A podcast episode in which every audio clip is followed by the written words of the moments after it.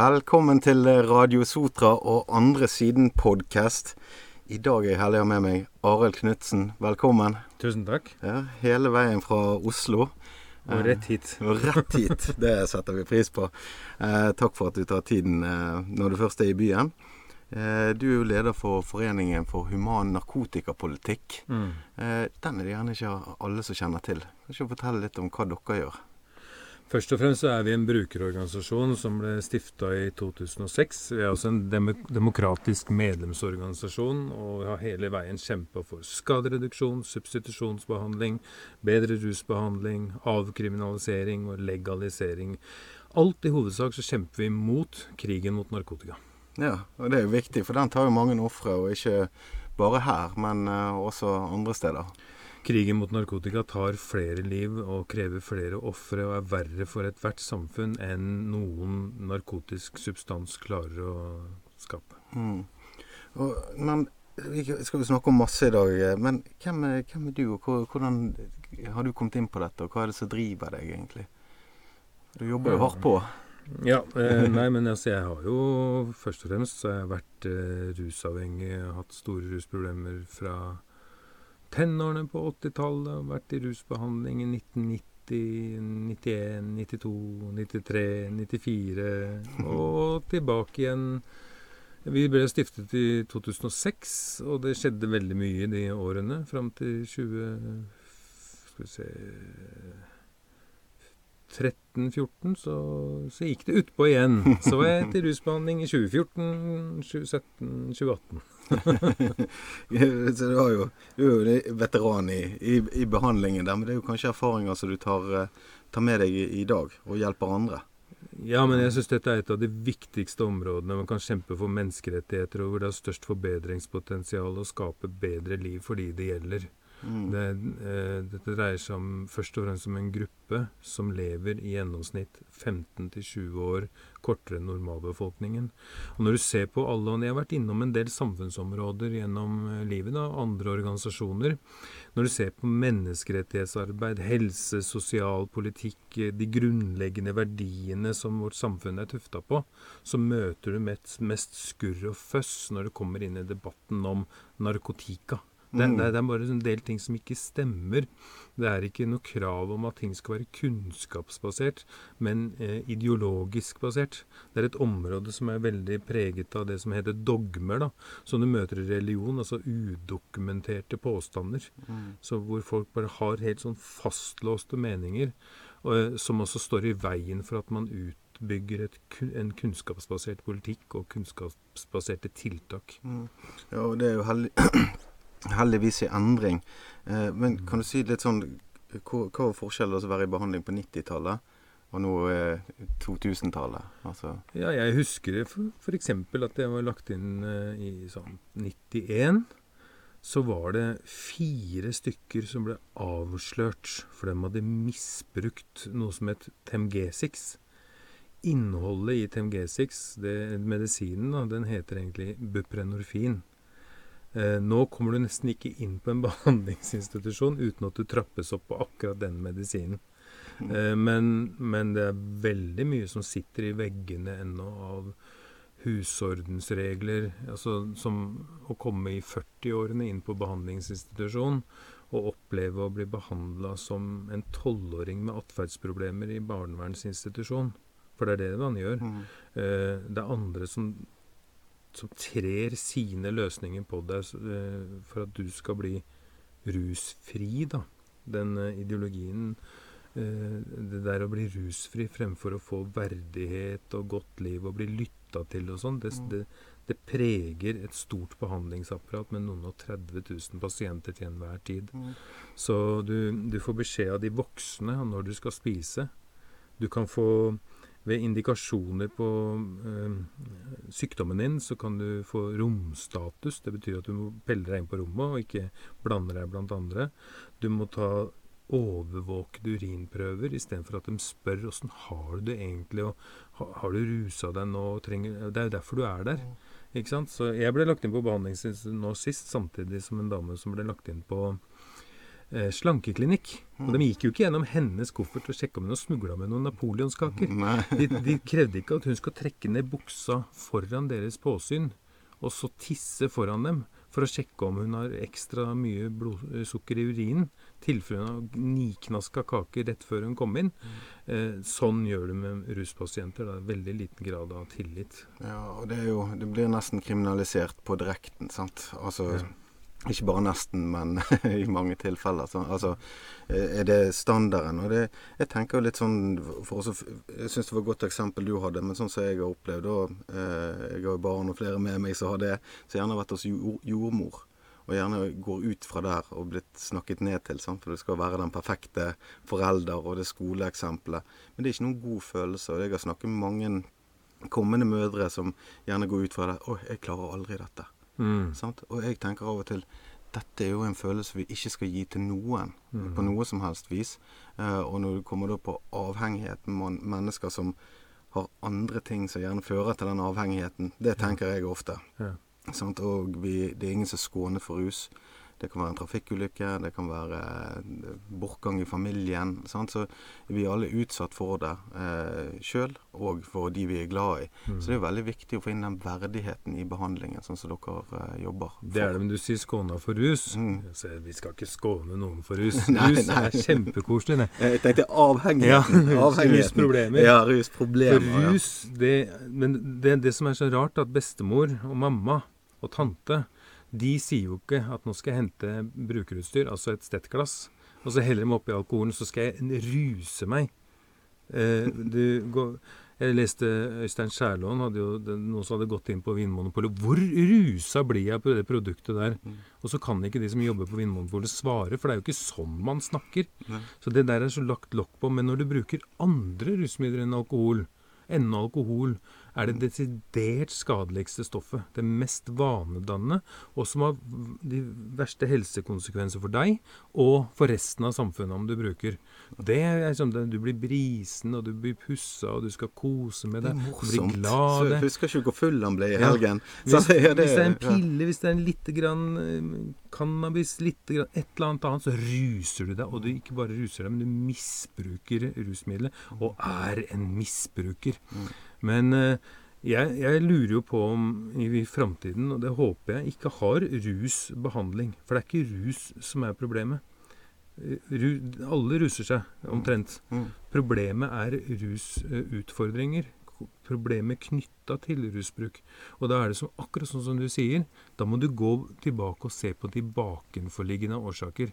Og et av de beste eksemplene på det, hvis jeg kan nevne det, har du hørt om Rat Park? Ja, ja. Putter rotter i bur, i sprinkelbur. Én og én rotte i hvert bur. Så er det med vanndispenser, og så vann med morfin. Og så drikker eh, rottene veldig mye morfin, får veldig mye komplikasjoner og dør i hopetall. Konklusjonen til amerikanske forskere var morfin er problemet, ta gissel på hjernen din, du vet ikke ditt eget- eget beste. Så var det en student da, som heter Bruce Alexander, som tenkte at hadde jeg vært Vi er flokkdyr, akkurat som rottene. Hadde jeg vært en rotte og bura inn i et sprinkelbur, helt isolert Hvis en så en annen rotte, så var det gjennom gitteret. Så hadde jeg også drukket morfin for å holde ut. Ja. Så lagde den Rat Park. En oase av sagmugg og bomull, løpehjul, tunneler, og alle rottene fikk komme sammen. Vann og vann med morfin. Og alle gikk over fra å drikke morfin til å drikke bare vann.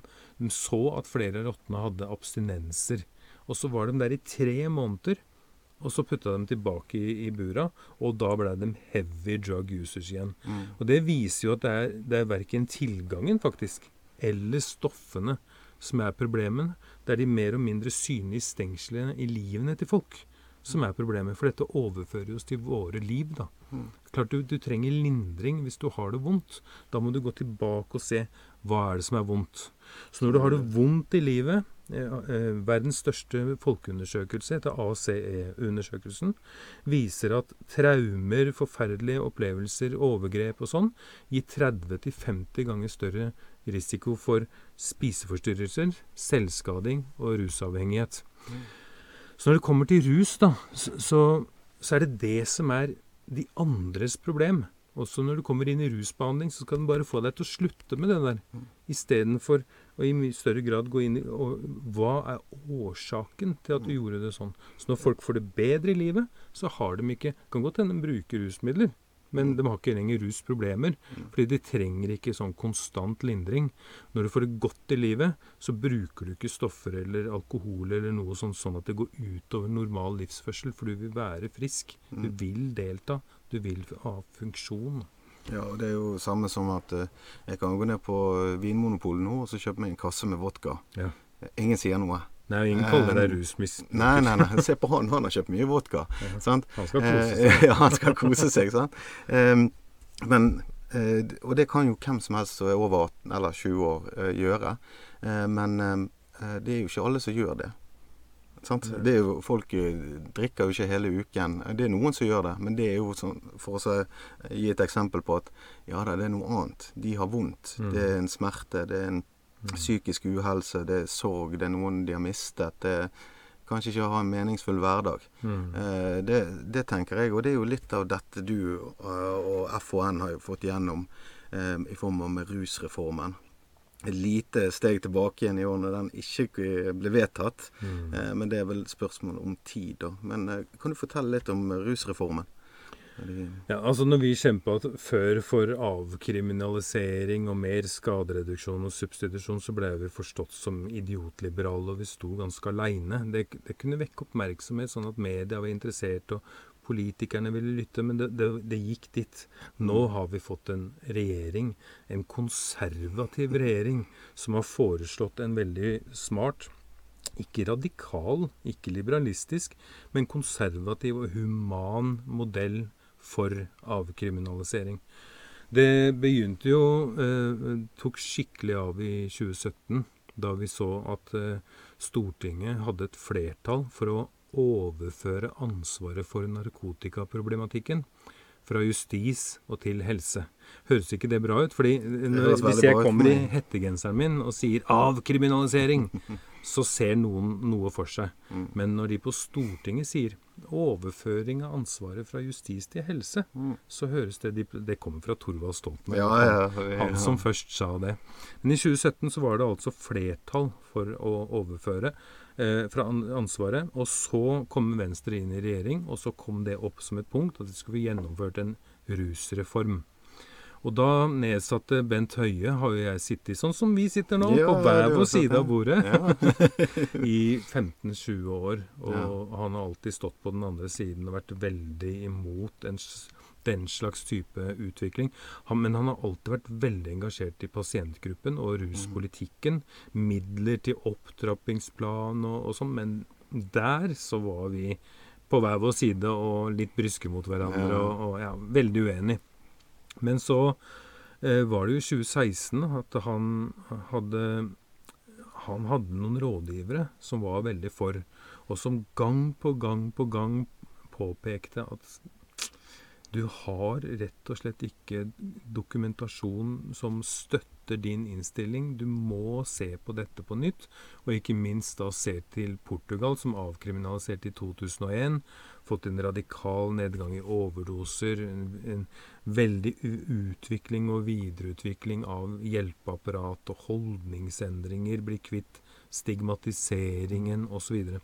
så i 2016 så skrev vi først en underskriftskampanje i VG, hvor vi fikk fremstående eh, akademikere, partiledere, som Trine Skei Grande, Carl I. Hagen, jurister, kommentatorer og sånn, noen og 80 i tallet, som underskrev på en eh, kampanje for at vi skal avkriminaliseres, og at avkriminalisering ikke skulle erstattes med inngripende tvangstiltak som ikke er faglig begrunnet, og at vi må få lov til å være med i utforming av narkotikapolitikk, også internasjonalt. At vi må få lov til å være med til FN og FNs narkotikakommisjon.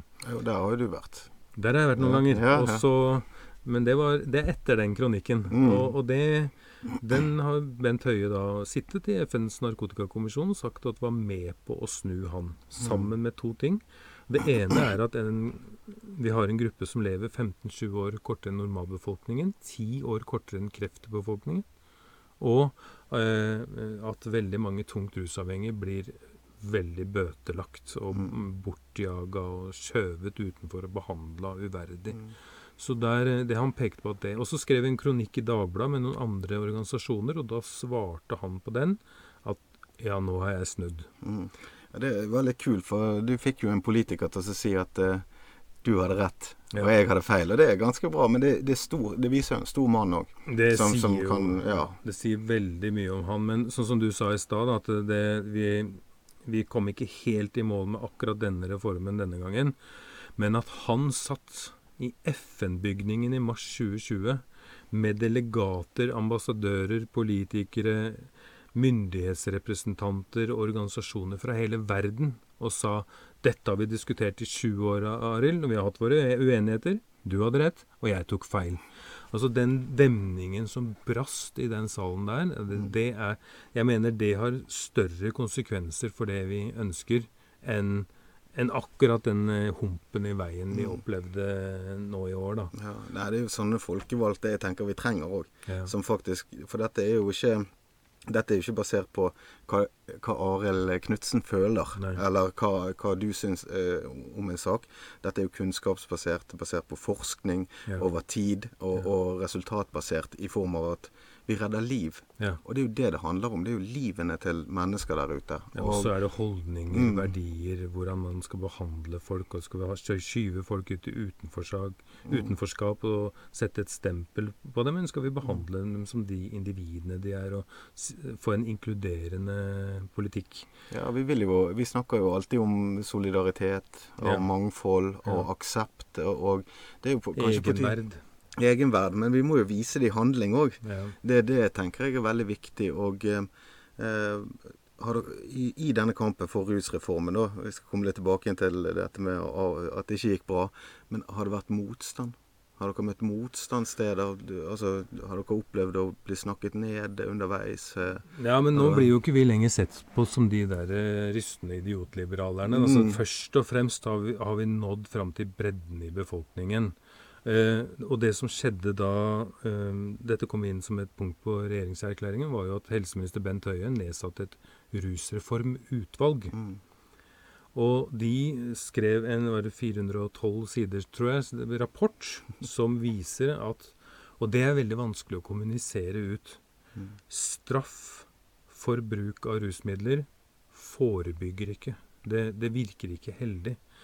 Og, og den sitter langt inne, fordi dette er nesten som en sånn barnetro for oss. At det Mm. som forebygger rus, det er politikontroll og straff. Konsekvens. Ja. Vi må gi en konsekvens Ja, for disse kriminelle. Ja. Og selvfølgelig, vi er jo tufta på et velferdssamfunn. Og så er vi tufta, tufta på straff og Mm. kontroll. Så eh, vi bruker straff for veldig mange uønskede handlinger, og vil tro og vite at det virker etter hensikten. Men så viser jo den forskningen at straff Og det er jo ikke kriminalitet å bruke rusmidler. Det er jo ikke uønska handlinger i form av at du gjør noe vondt mot andre. Du tar jo egentlig bare kontroll og gjør som du vil, i utgangspunktet. Mm. Men, så det er, jo, det er jo derfor da, at straff ikke virker. For det er Det strider mot moral, menneskelig fornuft, at du skal behandle meg som en kjeltring. Mm. Fordi Ikke fordi jeg har gjort noe slemt mot noen, noe jeg trenger å få dårlig samvittighet, men for noe jeg har putta inn i egen kropp, egentlig. Mm. Men dokumentasjonen viser da at oppkriminalisering, nedkriminalisering, avkriminalisering Man finner ikke at det spiller noen rolle på utbredelsen. Det er andre ting. Det er kultur, det er musikk, det er film, det er TV-serier, det er grupper, miljøer Det er sånne ting som, som spiller inn. Mm. Og derfor så foreslo jo på bakgrunn av den omfattende dokumentasjonen at straff ikke bare ikke forebygger rus, men skaper mer kriminalitet i samfunnet, utenforskap og stigma av en stor gruppe. Ja. Så,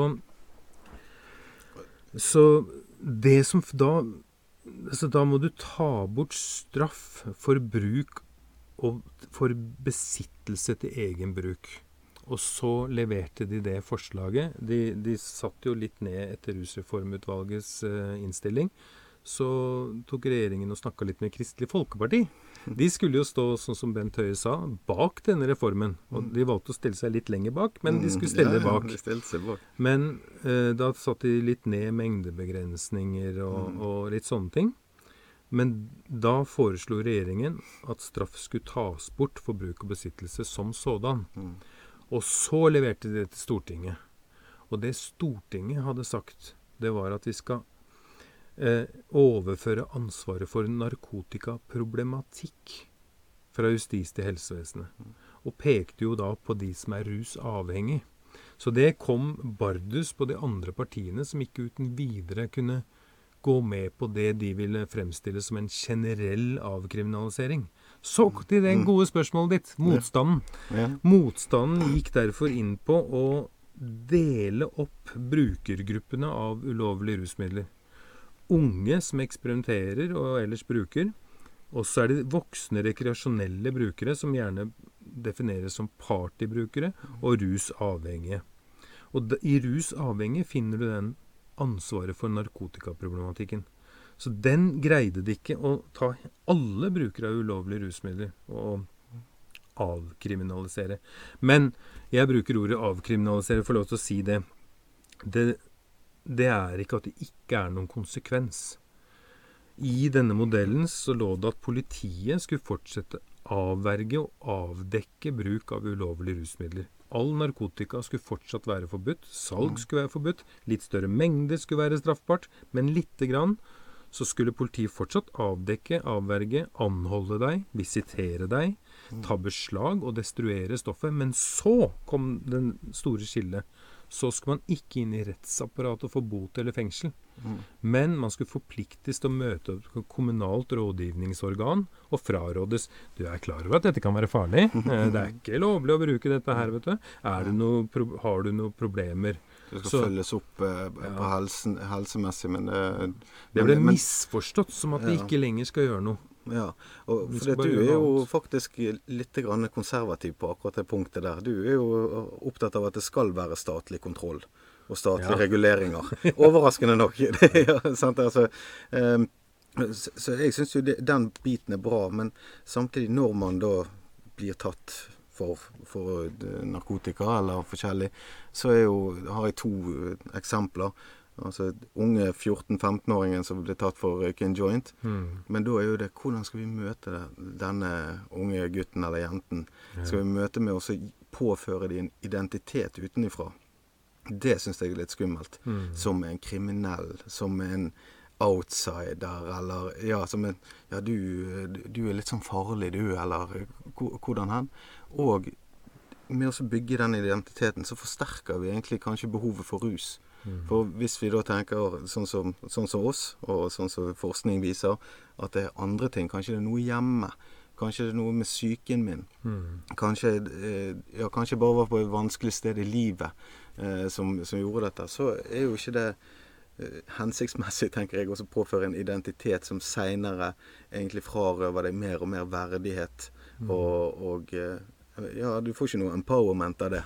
Nei, også i, En annen ting er jo at eh, straffe, ja, straffepolitikken Mm. den dreier seg altså om utstøting. Straff er tilsiktet påføring av pine og ekskludering. For det er den verste formen for straff vi kan gi etter at vi henretta, kutta hender før og sånn. Nå er ekskludering den fremste Mm. virkemidlet. Det gjenspeiler seg jo i lokalsamfunnet og helt inn i familien. Så ungdom som i dag får problemer med rus, de kan jo ikke gå til mamma og pappa og si 'Vet du hva, jeg røyka litt, og det, nå har det blitt litt mye, hva skal jeg gjøre?' Første så blir de helt paniske, misforstår barnet sitt som narkotikakriminelle rusmisbrukere istedenfor å prøve å forstå hva det egentlig dreier seg om. Og så er eh, konsekvensen straff, kontroll, sanksjoner og eh, uheldige reaksjoner.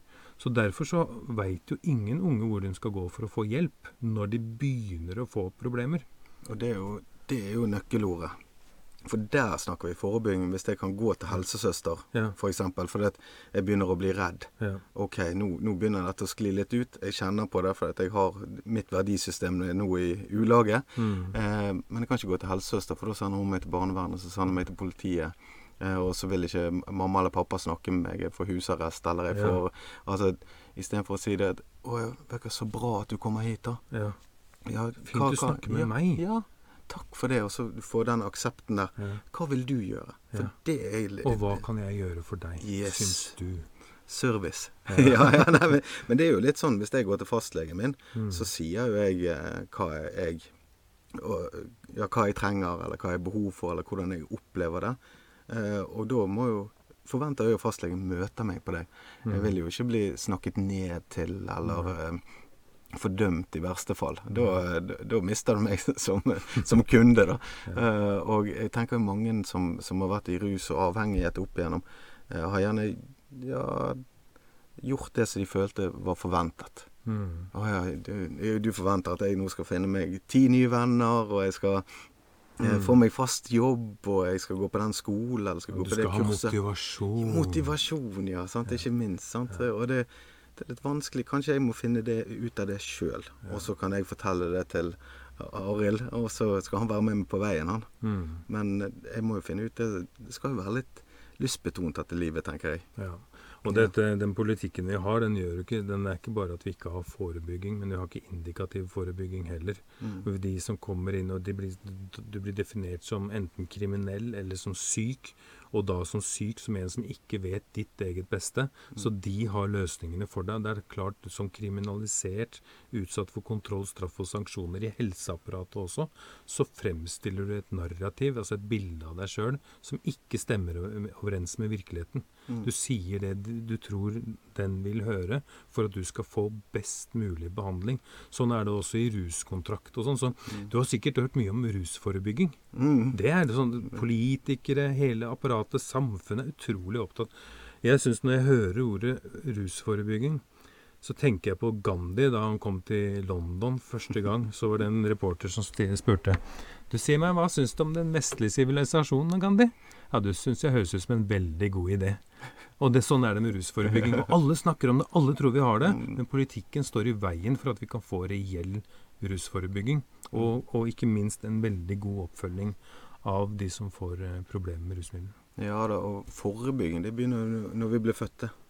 Hvordan, ja. Men det er ikke alle som får utdelt de beste hendene. Eh, og de, vi vet aldri hva livet bringer oss heller. Eh, så jo mer vi kan være inne og så trygge og bygge mennesker, da, forsterke mennesker underveis, sant? Mm. så tror jeg òg at avhengighet eh, kan, kan forebygges, iallfall. Men folk vil jo ruse seg. Ja, også Det, det er jo noe Det er jo utopisk å ikke tro det. Ja. sant? Det har vi gjort i tusenvis av år. Ja, og så skal vi ikke bare trygge mennesker, vi skal trygge samfunn. Mm. Og all den tid de siste 50-100 årene, når vi har behandla rusmiddelbrukere som kriminelle, så har jo politiet snudd i veldig stor grad ryggen til reell kriminalitet som skaper utrygghet. Så oppklaringsprosenten av drap, voldtekter og veldig mye vinningskriminalitet og voldskriminalitet har jo gått ned siden og ligget mye lenger nede siden. Så, man begynner å, så politiet bruker vanvittig mye ressurser på å ta folk som bruker rusmidler, eller alternative rusmidler, faktisk, Mm. mm. istedenfor å bruke alle sine ressurser mot mennesker som oppfører seg mot andre som de ikke skal. Ja. Og så er jo det der at Ja, det, jeg er helt enig. Og så er jo det det at det er jo lett altså, å gå ned og så hente ut de som har det verst. Ja. Sant? Og så gi de en bot, og så har du fått en eh, case closed. Sant? Mm. Eh, da har du fått et resultat. Ja. Eh, og jeg vet jo ikke hvordan det er å være politi, og jeg skal ikke stigmatisere de på, Nei, på nei. som helst måte, men jeg vil jo ut og prestere. Jeg vil jo gjøre jobben min. Vise meg hvor mennesker, jeg de Ja, sant? Ja, de er mennesker, de jo. Eh, men den handlingen da sant? Altså, Jeg møtte jo en for mange, mange år siden, og han hadde 110 000 kroner i bøter. Ja. OK, nå skal jeg begynne på mitt vanlige liv. Mm. Det er eh, 110 000 i bøter. sant? Så sier han ja, men André, jeg kunne ikke betalt en tusenlapp engang. Og du må forstå det at eh, kanskje ikke jeg vil være som deg, da. Ja. Sant? Altså, det, I form av at jeg var jo litt sånn rådgivende da. Ja, men kan jo betale ned, og du kan jo Mm. gjøre sånn. Men kanskje ikke vil sånn som deg. Sant? Nei, men Det, det er jo litt sånn å akseptere òg. Sånn. det gir jo veldig dårlig utgangspunkt for å gjøre noe med livet sitt. Mm. Og så er det livsfarlig for de som har alvorlige rusproblemer. fordi når de får korte fengselsstraffer, særlig Mm. eh, Korte og lange, men det, det blir veldig ofte korte fengselsdommer. eh, fordi soner for bøter og sånn, så kommer de ut igjen. Og overdosefaren er ekstremt høy i forhold til ellers. Mm. Og vi er jo ikke bare kriminalisert, egentlig. Det er jo Mye i rusreformdebatten handler om at vi blir stigmatisert og misforstått som kriminelle istedenfor mennesker med rusbruk eller rusutfordringer. Mm. Men hvis du ser hvordan politiet har prioritert dette her, og hvordan de har lagd alle disse Bry deg, si nei til narkotika, og lagd Fordi de, de vil ikke ha aksept av narkotikabruk. Derfor så skaper de en, en intoleranseholdning som gjør at folk ikke skal like narkotikabruk. Eh, så de skal mislike det så sterkt som mulig, som igjen betyr at da misliker man narkotikabrukerne Ja. så sterkt som mulig. Og så har de kampanjer. Politiet har du hørt dem har kampanjer mot sykkeltyverier, mot voldtekter, mot uh, å, å kline til folk, Mm. stjele bil. Aldri. Men de har kampanjer mot narkotika. Mm. Og foredrag osv. Mm. Også hvis du, så hvis du stjeler en sykkel, eller du får fra, blir frastjålet din, Mm. og du har GPS på den og ringer politiet og sier 'jeg veit hvor han bor, for jeg kan lokalisere sykkelen min', så blir saken henlagt.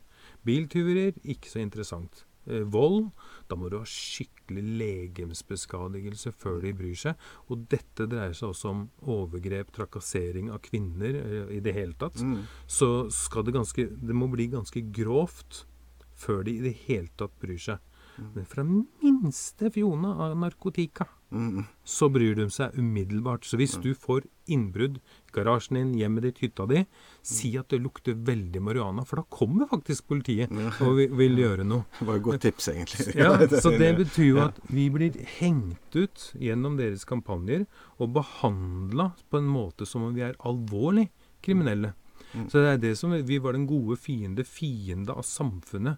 Vi har blitt behandla som alvorlig kriminelle og forstått på den måten Mm. siden denne krigen mot narkotika begynte. Ja, og du sa jo at det var 50 år siden nå eh, Richard Nixon gikk ut og sa Ja. 'just say no', eller ja. Jeg vil ikke kalle det jubileum, men det er nøyaktig 50 år siden Ja. han gikk opp på talerstolen og sa at nå skal vi ha en eh, krig mot narkotika, mot det vi som vi kaller farlige stoffer. ja og det stigmaet eh, Jeg kan jo forstå altså, hvorfor det er blitt sånn nå. For det har jo vært en markedsføringskampanje da i 50 år Mm. mot befolkningen. Kanskje lenger òg tilbake igjen. sant? Eh, for det, vi lærte jo av forbudspolitikken eh, med alkohol Mm. at det gagnet ikke bra. Det var maskingevær i gatene og organisert kriminalitet til tusen. sant? vi hadde drive-by shootings by boat i Oslofjorden om de Ja. som eide områder i byen. Såpass, ja. Ja. ja det, det, det var gangster i Oslo Ja. eh, ja, for lenge siden. ja. Um, og det viser jo egentlig da at, at jeg kan forstå at folk òg tenker sånn, og har det. Men med den kunnskapen som nå kommer, og den forskningen, Mm. så jo det, viser jo det viktigheten av arbeidet for å snu holdninger. sant? At OK, du ruser deg. Mm. Ja, men går det bra med deg? Mm. Det er jo det jeg tenker først. Ja, går det bra med deg? Mm. Ja, ja, da, OK, hva kan jeg gjøre? Da er vi inne på noe, sant. Men altså også begynne med 110 000 i bøter, og så har du egentlig fordi at livet er på helt feil plass. Mm. Eh, da er du kanskje enda dårligere ute, utgangspunkt, så Mm. samfunnet holder deg tilbake igjen, da. Ja. Og det er jo litt trist. For Ja. dette, vi vet jo òg at behandling koster penger. Mm. Så kanskje hvis vi kan ligge til rette sånn at behandlingen blir mer effektiv da, med å møte mennesker. Mm. Eh, for, hvordan har du opplevd å, bli møtt Du sa jo litt om det, sant? at du ble behandlet som en tolvåring eh, Mm. i behandling og sånt. Det er jo ikke bra når du skal bygge deg sjøl opp igjen, gjerne. sant? Du Nei, jeg syns ikke det. Men det er, det er selvfølgelig det er, I apparatet er det jo masse, masse fine folk. Ja, ja. Men det er systemet som jeg syns er litt vanskelig. Mm. Og jeg syns jo at hele behandlingsapparatet er jo bygget opp i en forbuds- og kriminaliseringstid som vi nå har beveget oss ganske langt vekk fra. Mm. Så man, man må jo begynne å stille litt spørsmål ved Er det riktig å putte folk på institusjon fordi Mm. de har rusproblemer? Fordi det er jo Hvorfor bygde de institusjoner før? Jo, det var fordi Hvis du skal slippe fengsel og straff eller dø av overdose, Mm. bråslutt og underkaste deg en slags slags tvang, og så beskytter vi samfunnet fra deg, så kan du gå der og kurses, utdannes, klippe håret og bli Mm. skikkelig folk, og så kan vi se om du kan slippe ut igjen til samfunnet igjen. Mm. Sykehuser også er jo bygget for å beskytte flytte samfunnet fra syke mennesker. Mm. Det samme gjelder behandlingsinstitusjoner. Hvis du må inn på klinikk, sove der. Det fins jo en naiv tro på senger og veggers helbredende instrument. Det er jeg ikke helt enig i. Og når du kommer inn der, da, så, så tenker de at før så var jo dette sånn sosialfaglig. Mm. Og så ble det helsefaglig. Så nå skal de gjøre det de gjorde før, men det skal være helse. Så hvis vi snakker sammen sånn som du og jeg snakker nå, så kaller de det for samtaleterapi. Og hvis vi sitter flere og snakker, da er det plutselig gruppeterapi. Og så er det noen sånn idrettsfolk, for det er gjerne sånne som jobber på institusjon. De vil ha deg med på tur og sånn. Da heter det treningsterapi. Og så jobber de hesteterapi òg. ja, så kjøper de inn hester, ikke sant. Og enten Mm. hvis du får lov til å gre litt på hesten, eller ri den, eller å stelle den og spa vekk møkka, da er det hesteterapi. Mm. Og så er det en ansatt som er veldig glad i musikk, da. Og det er jo selvfølgelig fint å sitte og jamme og utvikle seg og fellesskapet, men da er det musikkterapi. Mm. Der jeg var nå sist, så er det svømmebasseng. Så det, jeg fikk ikke lov til å bade med medpasienter. Jeg måtte svømme sammen med ansatte, og da het det svømmeterapi. Og når det var over 30 grader, eller til, fra 30 grader og oppover i vannet, så var det terapeutisk temperatur. Og jeg syns det begynner å bli litt sånn kvakksalveri. Vi må Mm. gå inn og se hva er egentlig rusavhengighet. Og rusmidler, det er stimuli. Mm. For å slutte med rusmidler, så bør man kanskje ha det stimulerende og godt og føle at man har kontroll på sitt liv, Mm. og ikke bli institusjonalisert. Veldig mange institusjoner nå begynner å bli sykehusavdelinger. Ja. Det er nesten sånn som Rat Park i stad, Ja. at du puttes inn i et sånt bur, men du skal slutte der også. Ja, ja. Det syns jeg blir litt sånn tortur. Og så blir jo vi mennesker venner oss til ting òg veldig fort. Så dette, når jeg da kommer ut fra en behandling ehm, Og igjen, sant, det, det er masse flotte folk. Alt er, Ja. Det er ikke for å snakke ned noen. Nei. Men det er klart at har jeg vært på et sted i fire måneder, alle har gjort alt for meg. I Mm. beste mening. Ja. Det er jo Jeg møter så mange idealister og Mm. gode, gode, varme mennesker med verdens største hjerter. Mm. Eh, Så det er ikke for oss å snakke ned noen. Men har jeg vært et sted fire måneder, og så kommer jeg hjem til en tom leilighet. Mm. Og der sitter jeg. Ja. Og så ser jeg ut, og da, hvor, hvor er folkene? Hvor kommer den med medisinen min, og hvor kommer den med maten min? Og hvor, klokken seks hvor, Skal ikke vi ha samling, eller Ja. svømmeterapi, eller ja, hva, hva, hva som helst? Eh, og da har jo du utfordringen. Og jeg må begynne å lære meg å leve i, i hverdagen min igjen. Ja, sant? jeg syns det er livsfarlig. Du Mm. nevnte jo i stad livskriser. Det er Mm. da det ofte går litt dårlig med folk, og det Mm. skjer ting og sånn.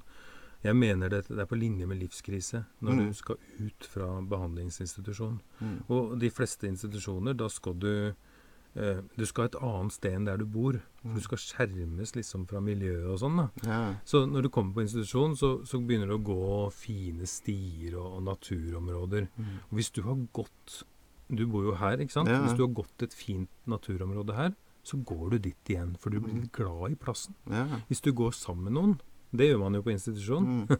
i terapeutisk gruppe, Ja. så blir man glad i å gå tur sammen med de.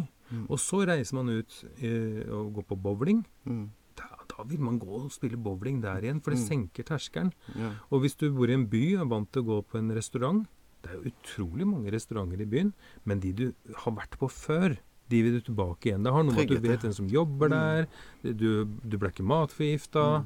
Mm. Så du bygger opp en sånn sosial kapital til Mm. steder, til sosiale utflukter, til gruppen du gjør det med. Mm.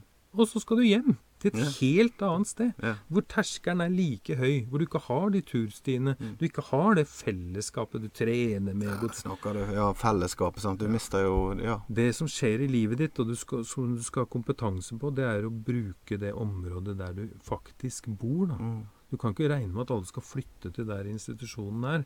Så jeg håper at vi kutter ut rusbehandlingsinstitusjoner, og at vi dekker det behovet ved at man kan komme på dagsenter og få fellesskap, rutiner, medisin, psykososial oppfølging i det hele tatt. En meningsfull hverdag. Ja. Så du kanskje vil bygge Hvis man vil bygge på mer. Ja.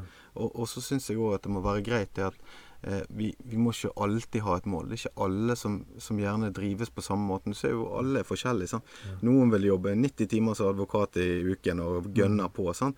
Andre tar 8 til 4, og det er greit. Ja. Noen jobber 50 òg. Ja. For det er bedre. Og det er jo eh, Dette er jo et tverrsnitt av befolkningen vi snakker om. Det er De som er avhengige. Sant? Så Ja. alle har forskjellige behov. Og må det alltid være en prestasjon, eller må du alltid Ja, hva, hva skal du nå? Hva skal du til høsten? Hva skal du sånn? Er ikke det greit å Kanskje noen trenger å bare få lov å være òg. Ja. Ja. Og motivasjon er en varierende ferskvare. Mm. Sånn at uh, når du har rusproblemer, rusavhengighet, så er det ikke hver dag du har lyst til å ta tak i det. Mm. Så det er ingenting ved rusavhengighet som sådan som tilsier at du skal vente i kø, og så skal du flytte på institusjon. Mm. Da skal du bråslutte med illegale rusmidler, og så underkaste deg legens regler om hva som er riktig. Så skal du være der et gitt antall uker og måneder, og så skal du plutselig hjem og tilbake til der du kommer fra. Så vi, vi er nødt til å Rusinstitusjon, rusbehandlingsapparatet, er en del av pakken bare for å få folk til å slutte med narkotika. Ja, dem er egentlig eh, verktøy i krigen mot narkotika, Mm. når de en gang kom. Litt mer humane, men likevel ledd i å skape et narkotikafritt samfunn. Ja. Så Derfor så er det veldig mye som sitter igjen i vegga i Mm. helseapparatet fra den tiden, som vi vil gjøre noe med. Mm. Tvungne urinprøver og Ja. Tvang generelt. og Jeg liker ikke når du Nei. tvinger meg til noe. Altså, Hvis du hadde gjort det, da får du motstand fra meg. Sant? Ja. Altså, eller at jeg bare kuer meg, og så lyger jeg til deg. Ja. Sant? Altså, det, det, er ikke, det er ikke Jeg trenger ikke det er noe framdrift i det. Og vi må aldri ta medmenneskeligheten ut av å jobbe med mennesker. Eller og, Vi er jo bare mennesker. Om jeg har en jobb, så er vi mennesker. Mm. Og det, det syns jeg er det, det, det viktigste kapital Mm. egentlig for at folk skal få, få en endring. Mm. For uh, det viser seg det at har vi en god relasjon, ah, da, og vi, det er likhet, Mm. det er gjensidig respekt, Mm. da kan vi begynne å jobbe. Mm. Sant? For da, kan vi, da møtes vi på en felles plattform, og det, det syns jeg er så viktig. Og der har jo du, eh, når du møtte Torvald Stoltenberg, som er ja, kanskje en av de ja, Nor Norway's finest sant? gjennom tidene. Og dere ble venner. Mm. Det, det var veldig sterkt. Ja, men vi, ja, vi var Måten du sa det på. Ja. Jeg samarbeida med dattera hans i mange år, og Mm.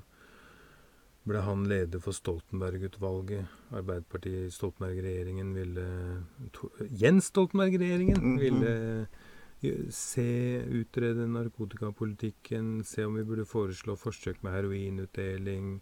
Eh, Og det Stoltenberg, Torvald Stoltenberg-utvalget da, eh, foreslo jo MO-senteret, forsøk med heroinutdeling, overføring fra justis til helse, og det var en stor tid.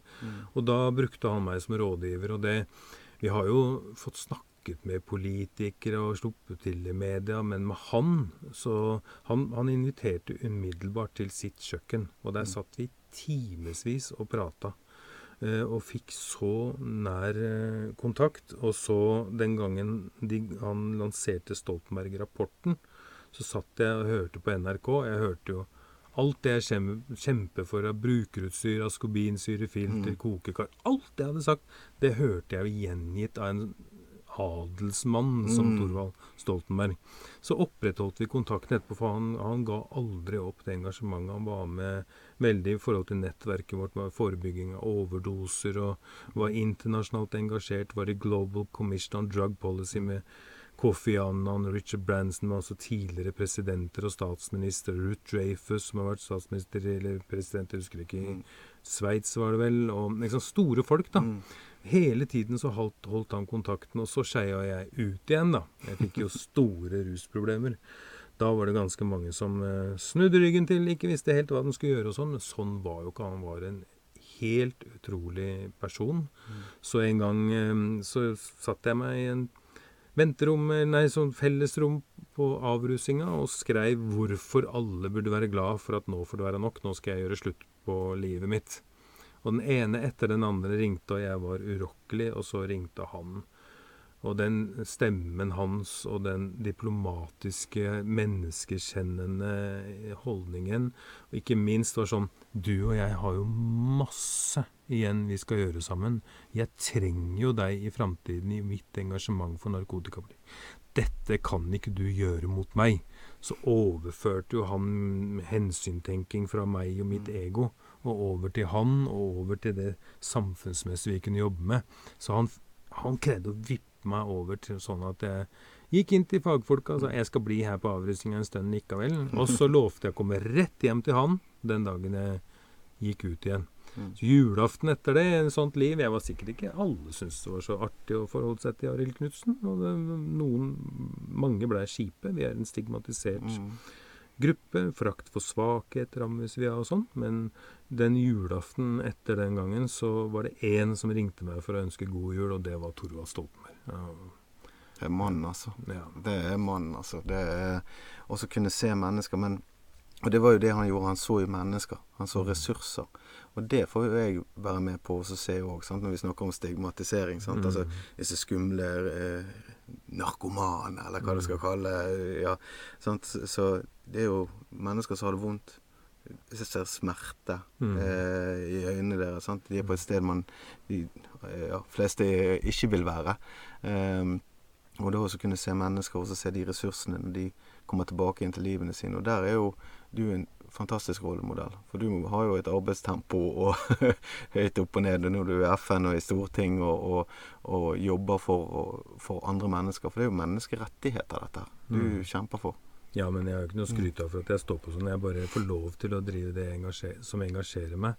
Og det, det, jeg vet ikke om noe annet område som er så meningsfullt, hvor vi faktisk ser at vi kan få til store endringer, og som man på alle sider av politikken faktisk er engasjert, ønsker å se på hva er det vi har gjort galt i alle disse årene, Mm. og hvilken retning vi skal gå. da.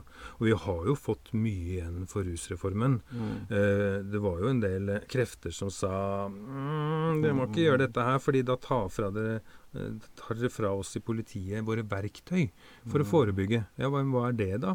Nei, vi skal ha kroppsundersøkelser, og vi skal strippe, og vi skal eh, ta blodprøver, overvåka urinprøver, vi skal gjennomgå mobiltelefon og ha husransakelse, for da finner vi ut hvor den narkotikaen kommer fra. Mm. Så fant jo Riksadvokaten ut at nei, det stemmer ikke, for det har dere ikke lov til.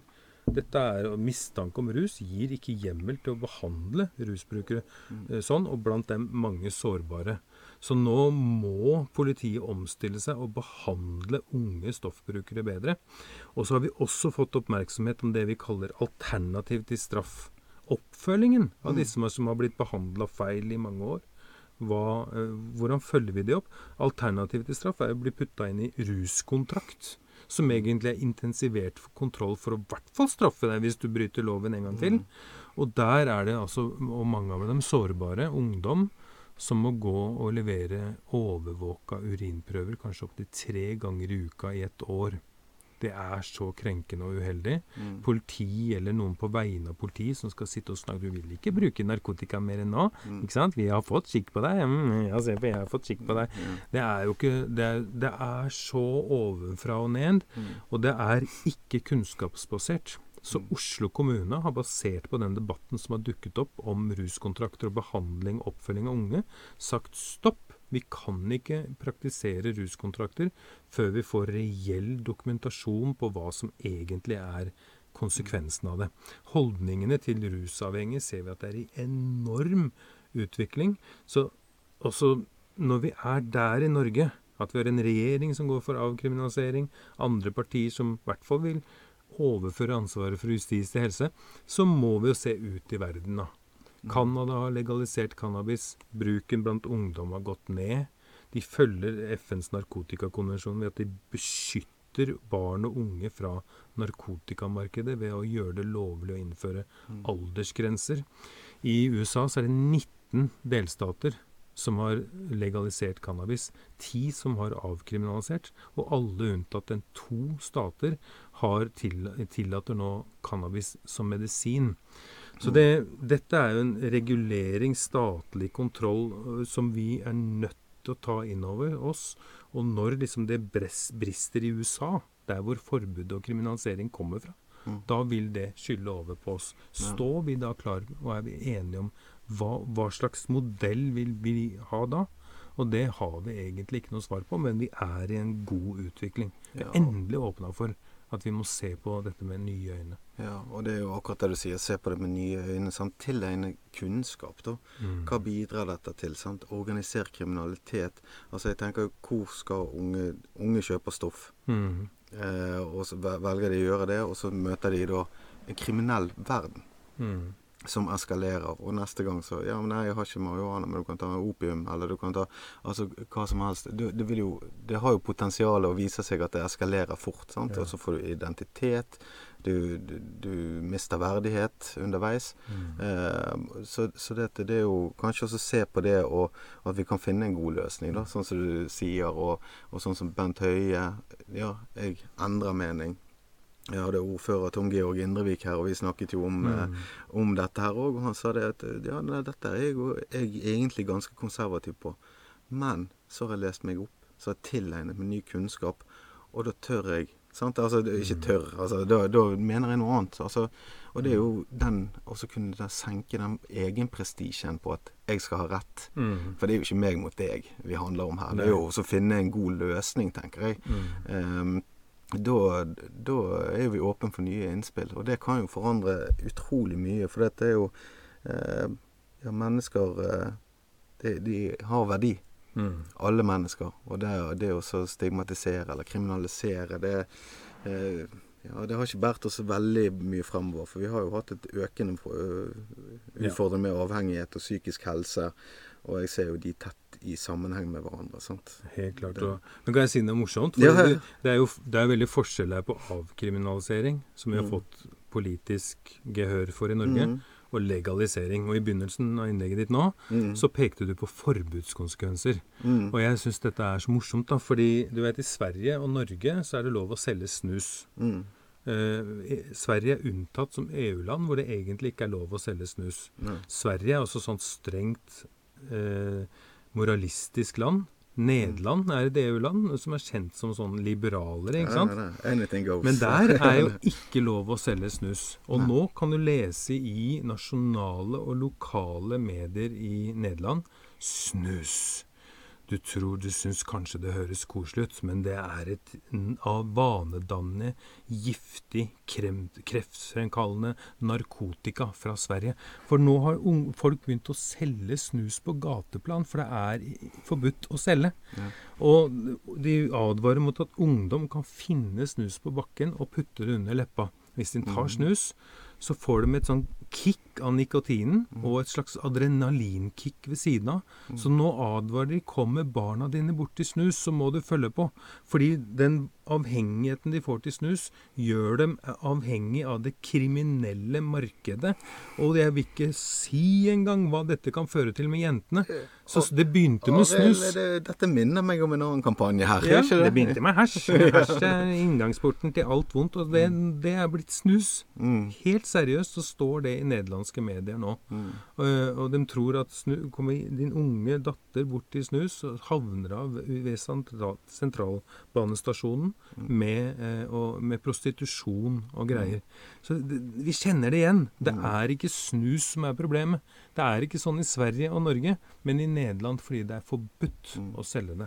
Ja, mark markedsføring er jo, er jo sånn frykt. Ja. Det, det, det funker, det. Ja. Sprer du frykt, du spiller på ja, Tenk på barna dine. ja. Så er jo det klart det vekker en reaksjon i meg òg. Altså. Det er jo automatisk. Det, det er jo fra én til ti på direkten. Oi! Sant? Mm. Ble redd. Eh, men det er jo det å finne den der kunnskapen om det. Men er det ikke morsomt at Jo. snus eh, Jo, jo. er så advart? Og, og da er det ikke statlig regulering eller statlig kontroll. Mm. Men snus kan få deg inn i kriminelt nettverk og rive grunnen løs under beina Men du kan dine. gå og kjøpe marihuana på, på kaffeshoppen. Det kan du. Ja. Det er helt omvendt mellom Ja. Sverige og Nederland. De burde begynne å snakke sammen. Jeg tror det, og det er jo det som fører til, til framgang når vi snakker sammen og, og Mm. istedenfor at vi kan eh, ja, stå og krangle mot hverandre. Og det er vel det du har tilført her. en Litt sånn, for du har en litt sånn stoisk ro òg, til og med på avslaget på, på den rusreformen. Og det fikk du litt grann eh, pepper for, egentlig, eh, for å si det sånn. Ja, for du tok jo det med verdighet og se, se lenger, og nå må vi roe, og så må vi få ny dialog og begynne på nytt på, ja, i korte trekk, da. Det er jo ingen tvil om at grunnen til at vi har kommet dit vi har kommet, er at vi har hatt en sterk gjensidig respekt og behandlet politikere og fagfolk, forskere, med den ytterste respekt, sånn at de faktisk har villet uh, høre på oss. Og dette har vi gjort i flere tiår, hvor døra har kommet mer og mer på gløtt. Og jeg syns det har kommet noen når denne døra er på gløtt, som kom, kom inn sånn. Mm. 'Jeg skal ha det sånn, og det er rettighet, og det, hør på meg, og hvis du ikke er enig med meg, så er du mot meg.' Og vi vil ikke at de skal få lov til å stenge hjertedørene, fordi det er flere å overbevise til vi får et reelt flertall. Og rusreformen var jo ikke noe mål i seg selv. Det var en veldig god utvikling, men ikke til noe mål. Mm. Så de må ha med oss bredden for at vi skal komme både dit og enda lenger. Mm. Derfor så syns jeg at folk skal eh, behandle folk ordentlig, mm. og ikke si at partiledere har blod på hendene, er en Judas og landssviker, og bruke den slags type retorikk. Mm. De som bruker den slags type retorikk, hadde ikke hatt noen rusreform å, å kjempe for hvis vi som har holdt på lenger enn dem, hadde holdt på sånn for noen år siden. Mm. Da hadde vi vært noen sånne idiot-tullinger som ingen gadd å høre på. Ja. Og det, sånn hadde vi fortjent å bli behandlet behandla også. Ja, for dette er jo litt sånn Vi snakket om Thorvald Stoltenberg. Det er jo hvordan fikk han de gode løsningene? Mm. Det var jo gjennom samtale, diplomati, ja. spre kunnskap, eh, sitte og snakke med folk eh, hele tiden. sant? Og, og, det Kanskje vi alle skal være litt mer Torvald Stoltenberg og finne de gode løsningene. Og Bent Høie. Og Bent Høie. De to er mm. utrolig størrelser. Det er klart Når Thorvald kom inn, så gikk det fra sånn skyttergravskrangling til mm. Diplomati. Ja. Og det var det som brakte oss så langt da. Og så fikk vi hedersmannen Bent Høie inn og kommet dit vi er i dag. Ja. Og kampen bare fortsetter. Ja. Og hvis du vil følge Foreningen for human narkotikapolitikk, så er dere på Instagram, dere er på Facebook og nettside, Twitter, og, Twitter og, og you name it. og eh, ja, og dette er jo ikke for å, at noen skal føle seg bagatellisert for sine meninger hvis man er imot dette og sånt, men det er iallfall en oppfordring til å søke litt mer kunnskap og se hva forskerne sier. Det gjør vi i alle saker, eh, og så hvorfor ikke i ruspolitikken. Mm. Rusreformrapporten. Rapporten til Rusreformutvalget burde alle lese. Ja. Eh, det får være siste ordet, for nå peker Rolfen på klokken her. Eh, tusen takk, Arild Knutsen, leder for Foreningen for human narkotikapolitikk, for at du kom innom. Takk for at jeg fikk komme. Ja, takk. Uh, vi er tilbake igjen neste uke. Du finner podkasten på Instagram, uh, Facebook og uh, ja YouTube. Jeg ser på Rolfen. Takk for at du lytter.